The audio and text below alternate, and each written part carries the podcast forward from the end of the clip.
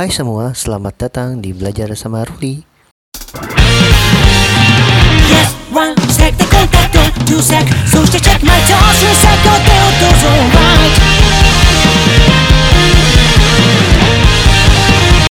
Halo teman-teman, apa kabar semuanya? Berjumpa lagi dengan gue di Belajar sama Ruli. Eh, gue sangat terusik sekali dengan ada beberapa pemberitaan di media, bukan beberapa pemberitaan ya, hanya satu sih pemberitaan mengenai Vanuatu yang terus saja merasa eh, terusik dengan hak asasi manusia uh, di bumi Papua. Mereka terlalu menekan Indonesia bahwa sudah melakukan pelanggaran HAM. Uh, sebenarnya ini apa sih buat negara kita tuh? Apakah ini sebuah peringatan ataukah memang ini sebuah ancaman untuk negara kita? Ya, oleh sebab itu gue sekarang mau membahas mengenai uh, ancaman terhadap integrit integrasi nasional. Nah, jadi dari ancaman sendiri itu ada beberapa ya tipe untuk sebuah ancaman terhadap negara yang paling utama yaitu adalah ancaman di bidang ideologi nah ancaman di bidang ideologi sendiri em, ini berhubungan dengan yang namanya pancasila ya. Pancasila sebagai ideologi bangsa kita ini masih sangat rawan terhadap berbagai bentuk ancaman. Salah satunya dari paham komunisme pada saat eh, komunisme tersebar di Indonesia. Nah, yang masih harus diwaspadai bahwa uh, ancaman komunisme ini uh, nyata sih sebenarnya pada saat yang lalu. Seperti itu. Pada tahun 1948 ada segerombolan yang baru datang dari Soviet yaitu Musso dibantu dengan Amir Sarifuddin ingin membentuk sebuah negara yang berasaskan dari komunisme uh, yaitu negara Soviet Indonesia. Seperti itu. Nah, ada juga di daerah Jawa Barat dan uh, di Aceh, kemudian ada juga di Kalimantan ya, yang ingin mendirikan namanya DITI, Darul Islam uh, Tentara Islam Indonesia. Nah ini ini juga diprakarsai oleh Kartosuriro ke Kartosuriro pada tahun 1949, eh, 1949 yang gerakannya ini eh, bukan hanya di beberapa bukan hanya di Jawa Barat saja karena pada saat itu Kartosuryo sendiri eh, berba- basisnya di Jawa Barat. Tapi di balik itu semua ada beberapa pemberontakan DITI seperti di Tegal, kemudian ada juga di Kalimantan, ada juga di Sulawesi. Sulawesi itu di di Sulawesi itu Kahar Muzakar ya. Kemudian ada juga ju- di eh, Aceh, Aceh di dipimpin oleh Daud Biru. Kemudian Kalimantan Selatan itu ada Ibnu Hajar seperti itu. Ini merupakan sebuah ancaman yang berdasarkan dari ideologi seperti itu. Nah, yang terbaru mungkin kalau kalian sadar bahwa ada yang namanya Hizbut Tahrir Indonesia yang ingin mendirikan negara kekhalifahan di Indonesia gitu loh. Nah, dasar kita sudah jelas bahwa dasar kita adalah Pancasila. Ketika misalkan ada kelompok atau golongan yang ingin melengsarkan dasar negara kita otomatis ini sebuah ancaman ancaman yang ingin meleng melengsarkan ideologi bangsa kita yang sudah dibentuk sejak tahun 1945 untuk menjadi dasar negara ini di, ingin diubah menjadi sebuah ideologi yang baru menurut mereka lebih baik daripada Pancasila seperti itu. Nah, penyelesaiannya sebetulnya eh, ideologi eh, ancaman ideologi ini lebih ke arah militer ya seperti itu. Karena kayak eh, Partai Komunis Indonesia akhirnya yang tahun 1948 sebagian besar pendukungnya dieksekusi mati oleh TNI kemudian ada juga DITI Kartosuryo itu sebenarnya temannya Soekarno tapi karena dianggap bahwa dia akan mengancam eksistensi dari eh, Indonesia, otomatis dia dijatuhi hukuman mati juga seperti itu. Nah, eh, kalau Hizbut Tahrir kemarin kebetulan tidak dihukum mati ya untuk yang memba- membawa pahamnya ke sini karena jauh tidak ya kalau dihukum mati sih cukup rame sih nantinya gitu loh. Kita kena ham lagi deh terus urusannya. Tapi sebetulnya itu juga sebuah ancaman sih sebetulnya silahkan tidak apa-apa mendirikan seperti itu tapi jangan di Indonesia. Karena Indonesia adalah negara yang pluralisme. Jadi kita ini adalah negara yang uh, diversity atau berbeda-beda. Tidak bisa mendirikan satu negara dengan berasaskan satu agama saja atau satu golongan saja seperti itu. Kalau misalkan Taliban kan mereka sudah jelas tuh uh, mereka walaupun mereka berbeda-beda suku juga ya gitu tapi uh, dasarnya mereka sudah jelas bahwa sebagian besar agama uh, di negara mereka adalah muslim. Jadi mereka ingin seperti itu gitu loh. Nah kemudian ada juga ancaman di bidang politik. Ini ancaman di bidang politik sendiri dapat bersumber dari luar negeri maupun dalam negeri. Ancaman politik dari dalam negeri dapat dilihat dari gerakan separatis. Nah, kalau dari luar negeri sendiri itu ancaman di bidang politik dilakukan oleh suatu negara dengan melakukan tekanan politik terhadap Indonesia. Nah, ini dia nih. Ini yang uh, bisa kita golongkan Vanuatu yang kemarin menekan Indonesia di sidang PBB ini merupakan ancaman bidang politik gitu loh. Meskipun seperti itu, ini adalah urusan dalam negeri kita gitu loh. Ini adalah urusan dalam negeri dapurnya. Ibarat kata dapurnya dapurnya orang lain. Kenapa dia harus ikut campur seperti itu? Ya memang sih me menekankan untuk asas HAM. Hanya saja dia tidak mengangkat juga bahwa yang ada di Papua itu sebenarnya lebih kompleks gitu loh. Gerakan uh, KKB atau kelompok bersenjata sendiri mereka malah membunuh para penduduk sekitar dan tenaga-tenaga medis gitu loh. Uh, dan uh, ada juga guru yang ditembaki di sana. Sebenarnya ini sudah termasuk pelanggaran HAM yang cukup berat gitu loh. Rakyat sipil sipil tanpa atribut militer ditembaki oleh uh, ya kelompok bersenjata seperti itu. Jadi sebetulnya ini sebuah ancaman terorisme sudah ancaman terorisme gitu loh gerakan separatis ini uh, di situ Panuatu tidak me menggubris atau mengekspos dari yang seperti itu. Dia malah meng, uh, malah condong menekan Indonesia gitu loh. Di balik itu semua saya juga nggak tahu apakah Vanuatu ada kepentingan di balik itu semua. Karena negara sebenarnya sebenarnya negara Vanuatu itu negara kepulauan saja. Uh, dan kita negara yang cukup besar ya seperti itu. Memang uh, mereka berasaskan bahwa sesama dari uh, Austronesia hanya saja kalau seperti itu dilihat lagi sebetulnya gitu loh.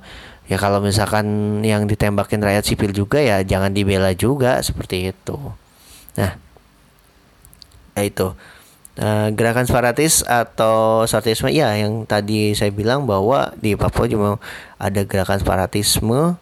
Yang selain itu juga ada juga uh, sebelum-sebelumnya sih sebenarnya ada juga Republik uh, Maluku Selatan. Ini didirikan oleh Somokil di uh, ini di Maluku ini. Ini sebetulnya Somokil adalah uh, bekas tentara kenil gitu loh. Dan Republik Maluku Selatan ini adalah sebuah organisasi yang diridoi oleh Belanda untuk memecah Indonesia. Sebetulnya seperti itu gitu loh. Kalau dilihat bahwa Indonesia ketika sudah merdeka ada sebagian-sebagian uh, orang yang notabene dulunya adalah uh, ex anggota Kenil gitu loh yang ingin memerdekakan diri dan ikut dengan Belanda. Ini sebenarnya agak organisasi bonekanya Belanda sih sebetulnya seperti itu. Dan kemudian ada juga uh, PRI uh, eh, Permesta ini uh, eh, PRI sendiri kan yaitu gerak uh, ini apa namanya gerakan yang ingin memerdekakan diri di daerah Sumatera seperti itu. Permesta sendiri kan uh, sebuah uh, sebuah bentuk untuk uh, menjadi sebuah negara gitu loh. Nah, sebetulnya ini lebih ke arah hubungan tidak harmonis ya karena otonomi daerah pada saat itu di zamannya di bawah Soekarno memang tidak berjalan dan lebih condong ke arah pusat di daerah Jawa seperti itu. Oke. Ya, ancaman separatisme sendiri dapat menempuh pola peringatan politik tanpa senjata dan perjuangan bersenjata. Walaupun pola perjuangannya tidak bersenjata sering ditempuh untuk menarik simpati masyarakat internasional kayak uh, zamannya uh, uh, ya banyak sih di zamannya Soeharto juga ada tuh yang seperti itu. Kemudian di zamannya Soeharto lebih banyak Soekarno lebih banyak gitu loh. Saya yang tadi saya bilang PRI PRRI ya bukan PRI PRRI kemudian Parmesta ada juga gerakan uh, negara Indonesia Timur seperti itu yang ingin memerdekakan diri dari Indonesia seperti itu. Nah uh, dari semua itu ini merupakan ancaman uh, politik ya. Kemudian dan juga ancaman ekonomi. Dari ancaman ekonomi sendiri ada dua faktor yaitu internal dan eksternal. Kalau dari internal sendiri ancaman ekonomi yang pertama adalah inflasi.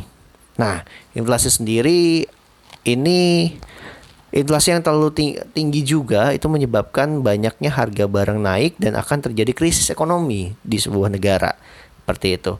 Kalau beredar mata uang lebih banyak daripada barangnya, otomatis kan harga barang akan lebih naik gitu loh. Ketika kita punya penghasilan satu bulan satu juta, ternyata harga barang lebih dari satu juta itu kan akan menjadi gesekan-gesekan tersendiri seperti itu di bidang ekonomi. Yang kedua, tingkat pengangguran yang cukup tinggi ini juga menyebabkan terjadinya ancaman terhadap negara ini. Kalau di satu negara penduduk mudanya banyak yang menganggur, otomatis dia akan terjadi kekacauan dan akan terjadi banyaknya protes seperti itu.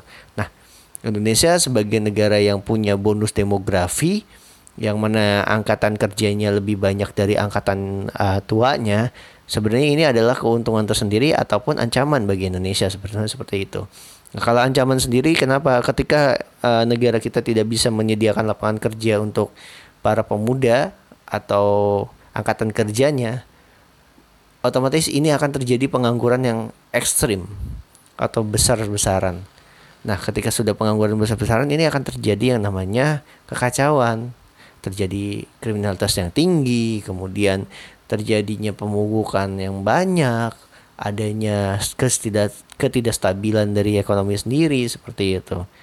Terus ada juga faktor yang berikutnya itu infrastruktur atau sarana yang tidak memadai.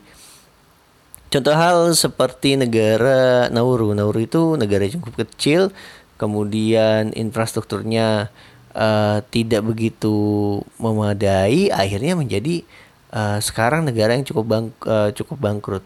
Dulu Nauru adalah negara terkaya karena mereka mereka adalah penghasil fosfor, tapi karena fosfornya sudah diambil semua, sudah tidak ada lagi hasil fosfornya, akhirnya mereka menjadi miskin.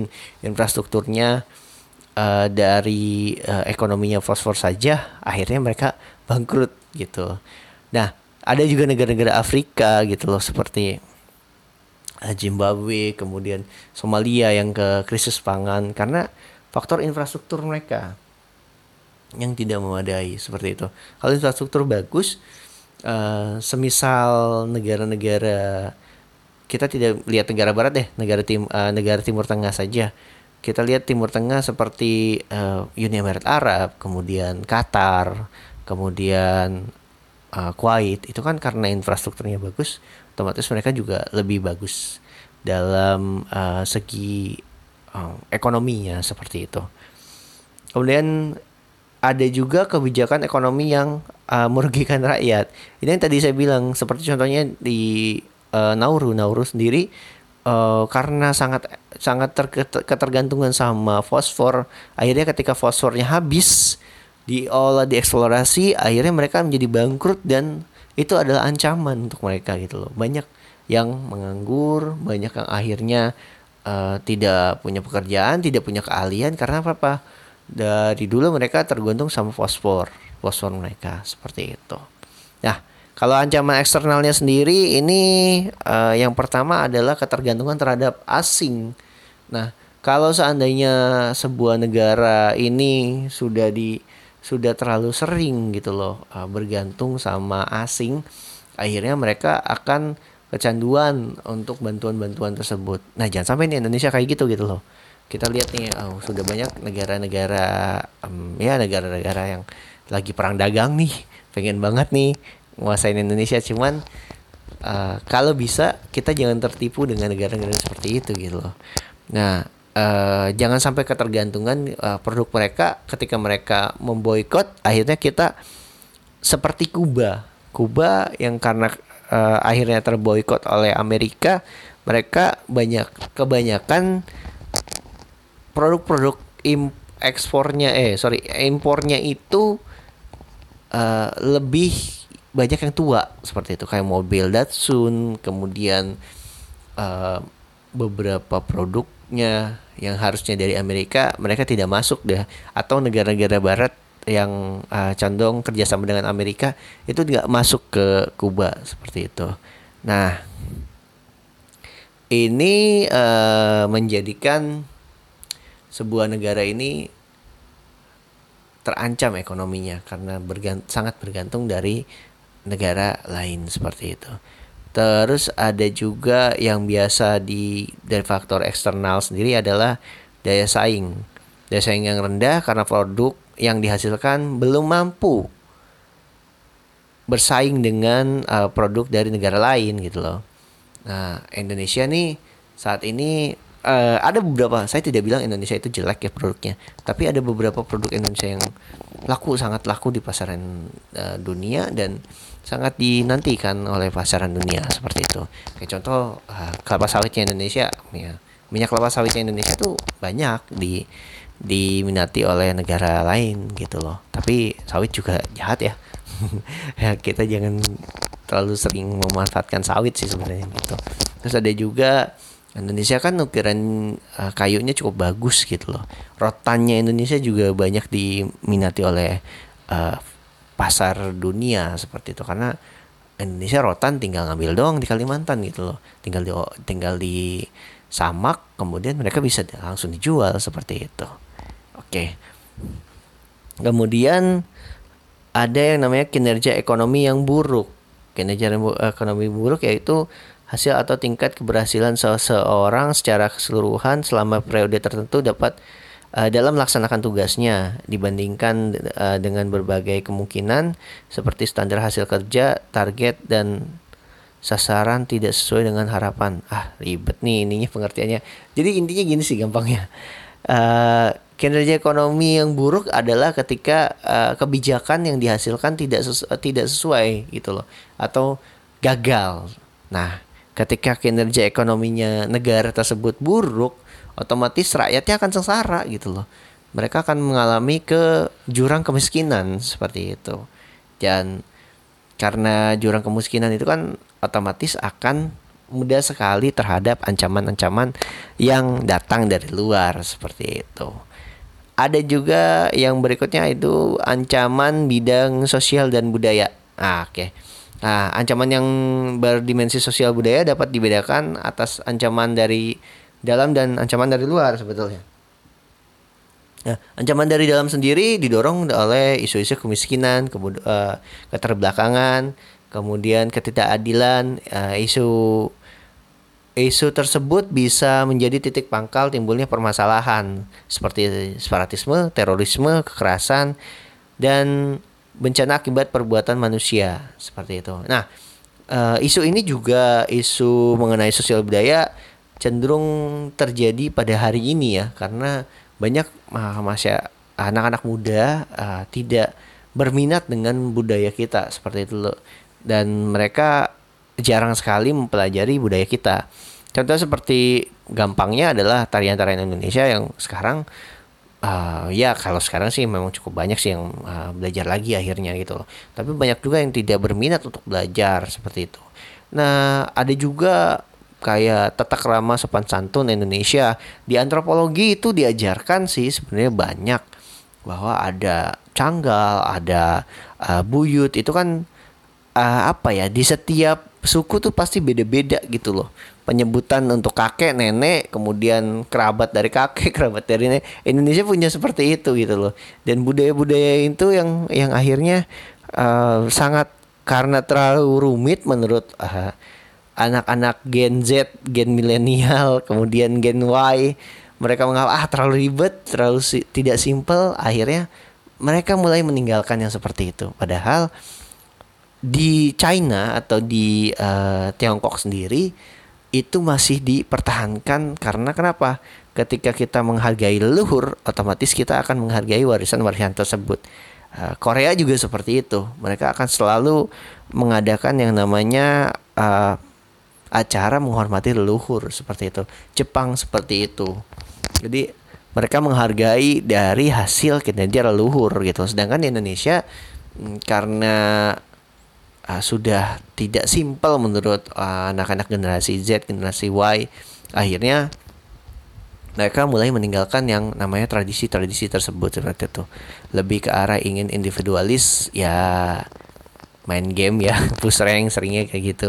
Padahal ketika berkumpul gitu ada saudara sepupu uh, ternyata tetangga atau teman sekolah kita itu adalah sepupu kita gitu loh.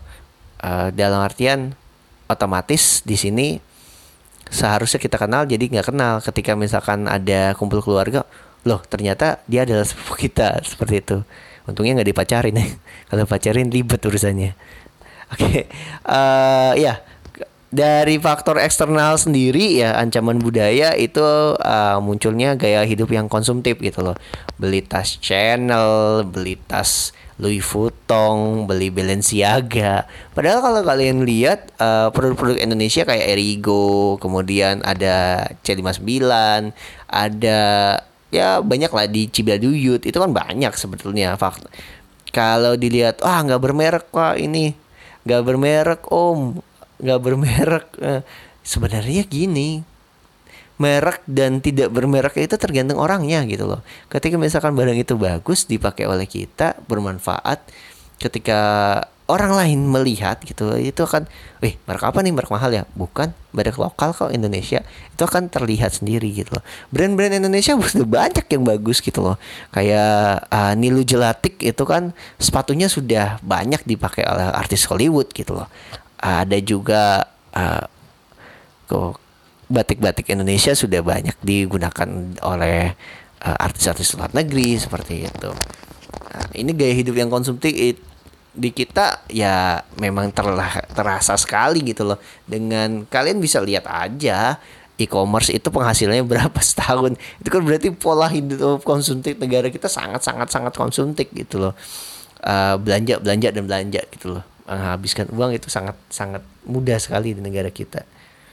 Nah, Kemudian ada juga yang uh, muncul sifat hedonisme. Hedonisme itu adalah sifat uh, merasa kenikmatan pribadi dianggap sebagai suatu nilai hidup tertinggi gitu loh. Di hedon uh, ya kehidupannya pengen ya memuaskan diri sendiri aja gitu. Nah, ini adalah cikal bakal dari korupsi juga gitu loh. Ketika hidupnya gaya hidupnya hedon, otomatis dia membutuhkan income yang cukup tinggi. Kalau income yang cukup tinggi, akan uh, membuat mereka menjadi peluang untuk melakukan korupsi seperti itu. Nah ini cukup uh, sambung menyambung ya untuk yang ini seperti itu. Terus ada juga uh, sifat yang individualis. Nah ini banyak nih Gen Z, Gen Y, Gen milenial uh, yang seperti ini. Jadi uh, sifatnya ya individualis aja, nggak uh, tidak mengedepankan asas kita apa sih musyawarah mufakat gitu loh. Di sila di Pancasila juga sudah ada musyawarah bermufakat gitu loh. Dan gotong uh, turunan dari musyawarah mufakat adalah gotong royong gitu loh. Gotong royong adalah bekerja sama dengan masyarakat di sekitar itu namanya uh, budaya kita gitu loh. Ketika misalkan budaya individualis, ini kan budaya yang uh, diturunkan oleh negara luar bahwa uh, untuk apa kita masih bisa melakukannya sendiri seperti itu. Tapi ketika uh, balik lagi ke fitrah bahwa manusia itu adalah makhluk sosial, ketika menerapkan sifat individualisme itu sepertinya agak sedikit canggung seperti itu. Oke. Yang berikutnya adalah uh, gejala terjangkitnya westernisasi. Kalau westernisasi memang sudah tidak bisa dipungkiri lagi ya karena memang uh, perkembangan internet yang sudah cukup canggih, kemudian kebutuhan informasi yang cukup banyak. Westernisasi saya tidak melarang dan uh, tidak menganjurkan juga gitu loh. Westernisasi ada yang bagus, ada yang tidak gitu loh. Contoh dengan budaya kerja yang uh, relax, disiplin, kemudian uh, enjoy itu menjadikan sebenarnya budaya budaya westernisasi juga ada yang bagusnya juga, tapi ada yang buruknya juga gitu loh. Kayak uh, terlalu banyak uh, minum ketika mereka kecewa mereka datang ke bar bukannya merenungkan ke, uh, kepada diri sendiri akhirnya uh, terjadi yang namanya budaya uh, mabuk-mabukan kecanduan alkohol seperti itu. Ini saya uh, melihat bukan dari yang jeleknya aja ya uh, tapi uh, melihat juga ya kalau bisa dilihat westernisasi ada yang bagus ada yang jeleknya juga sih gitu. Nah uh, oh iya selain westernisasi sekarang ada Hallyu ya uh, kemudian ada ya budaya-budaya dari luar lah seperti itu. Bukan hanya budaya westernisasi saja sepertinya. Sudah banyak uh, banyak budaya yang masuk ke Indonesia dan perlu ada penyaringan gitu loh. Cukup bagus kayak Weird Genius itu kan mereka memadukan antara musik modern dengan uh, musik tradisional gitu loh. Ada juga beberapa musik, uh, musisi yang memadukan. Kayak Arfi Arfi Ref itu kan mereka uh, dia memadukan antara uh, gamelan kemudian uh, elektronik musik. Itu kan cukup bagus gitu. Ada westernisasi yang bagus ada yang nggak bagus gitu. Semua ada dua sisi yang berbeda sih sebenarnya. Itulah kemudian ada yang berikutnya adalah yang tadi saya bilang semangat kita uh, gotong royong masyarakat kita sudah mulai memudar nih bukan hanya generasi Z dan Y milenial saja, tapi sebenarnya generasi sebelumnya pun sudah mulai memudar untuk melakukan gotong royong gitu loh. Padahal jiwa kita adalah jiwa gotong royong. Candi Borobudur bisa berbentuk dari akibat dari gotong royong. Kemudian banyak sekali peninggalan-peninggalan dari uh, sejarah kita yang berdasarkan dari gotong royong seperti itu. Kalau seandainya kita tidak bergotong royong, kita saya rasa kita tidak akan merdeka gitu loh efek dari gotong royong sendiri adanya dari uh, Sumpah Pemuda 1928 seperti itu. Karena apa? Efek gotong royong dan solidaritas gitu loh. Bahwa kita satu nasib. Kita dijajah oleh bangsa asing seperti itu. Terus yang berikutnya adalah semakin lunturnya nilai-nilai keagamaan dalam kehidupan bermasyarakat ini tadi saya bilang bahwa ketika dia hedon, ketika dia individualis, dia akan uh, cenderung melakukan gaya yang uh, terlalu kebartaratan yaitu dengan cara uh, ya yang tadi saya bilang minum minuman keras gitu. Kalau uh, di sifatnya uh, sifatnya negara kita sebetulnya berdasarkan dari sila pertama saja ketuhanan yang maha esa ketika kita mengalami kebuntuan otomatis kita coba berserah diri kepada Tuhan gitu loh. Apa yang uh, bisa diberikan petunjuk dari Tuhan gitu loh. Semua manusia semua makhluk yang ada di dunia ini pasti akan diberikan petunjuk oleh Tuhan gitu loh walaupun bagaimana caranya seperti itu. Oke yang berikutnya adalah ada ancaman di bidang pertahanan dan keamanan. Nah kalau yang ini uh, selalu berdasarkan dari uh, pihak militer yang dia menghadapinya.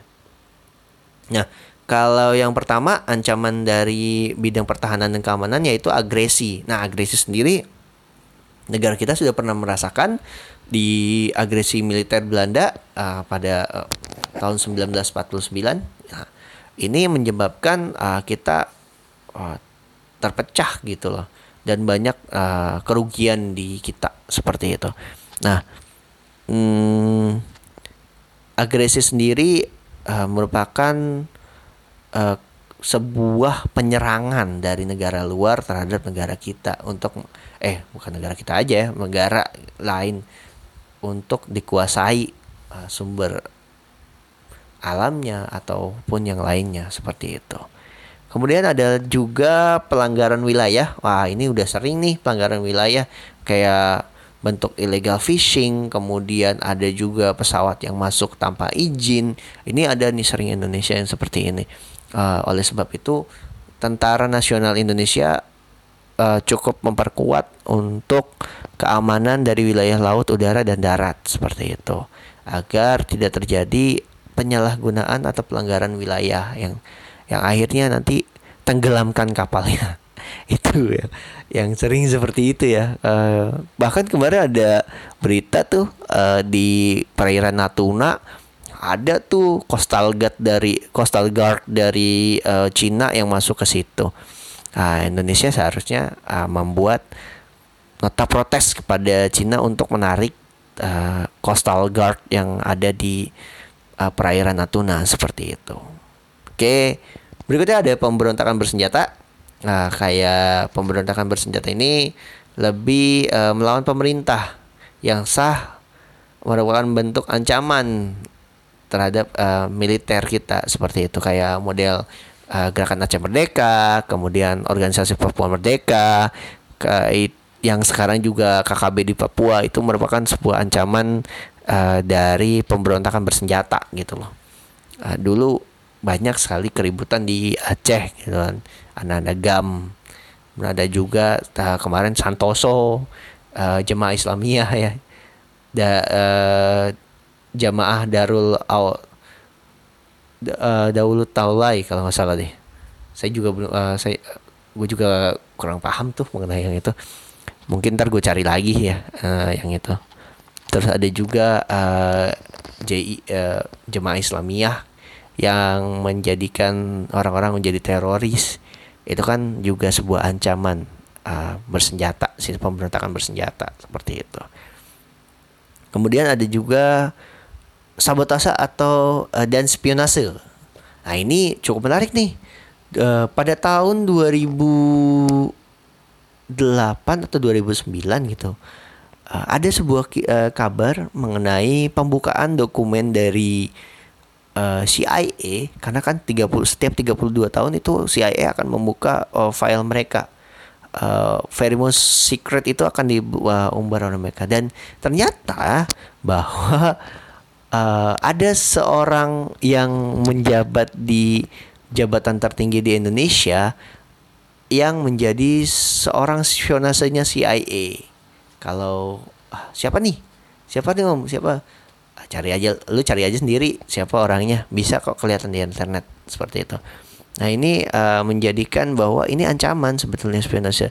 Tahun 2010 eh, eh sorry tahun 2014 kalau salah 2013 atau 2014 hmm, Jokowi disadap oleh uh, badan intelijennya uh, Australia kemudian juga SBY juga disadap sempat disadap da, oleh uh, badan intelijennya Australia untuk mencari data-data mengenai uh, ke kelangsungan Indonesia seperti itu. Dan sempat diprotes juga oleh SBY bahwa ini tidak betul gitu loh. Tidak betul untuk ya, seperti ini. Gitu loh. Nah berikutnya adalah ancaman dari laut dan udara. Kalau ancaman dari laut udara udara seperti yang tadi ya uh, ancaman dari ancaman dari uh, wilayah teritorial kita gitu wilayah. Ini pelanggaran. Kayak masuk kapal-kapal asing yang uh, ngambil ikan di Indonesia itu juga sudah termasuk ancaman gitu loh. Orang kaya alamnya punya Indonesia kenapa diambil sama orang lain gitu kan.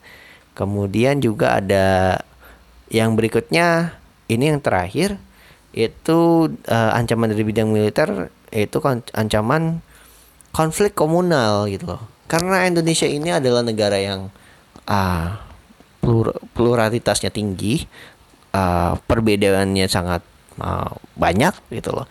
Bahkan satu suku pun kadang-kadang berbeda uh, berbeda bahasa berbeda um, karakteristiknya keberadaan agama. Ini yang ak akhirnya menyebabkan mudah sekali terjadinya gesekan-gesekan.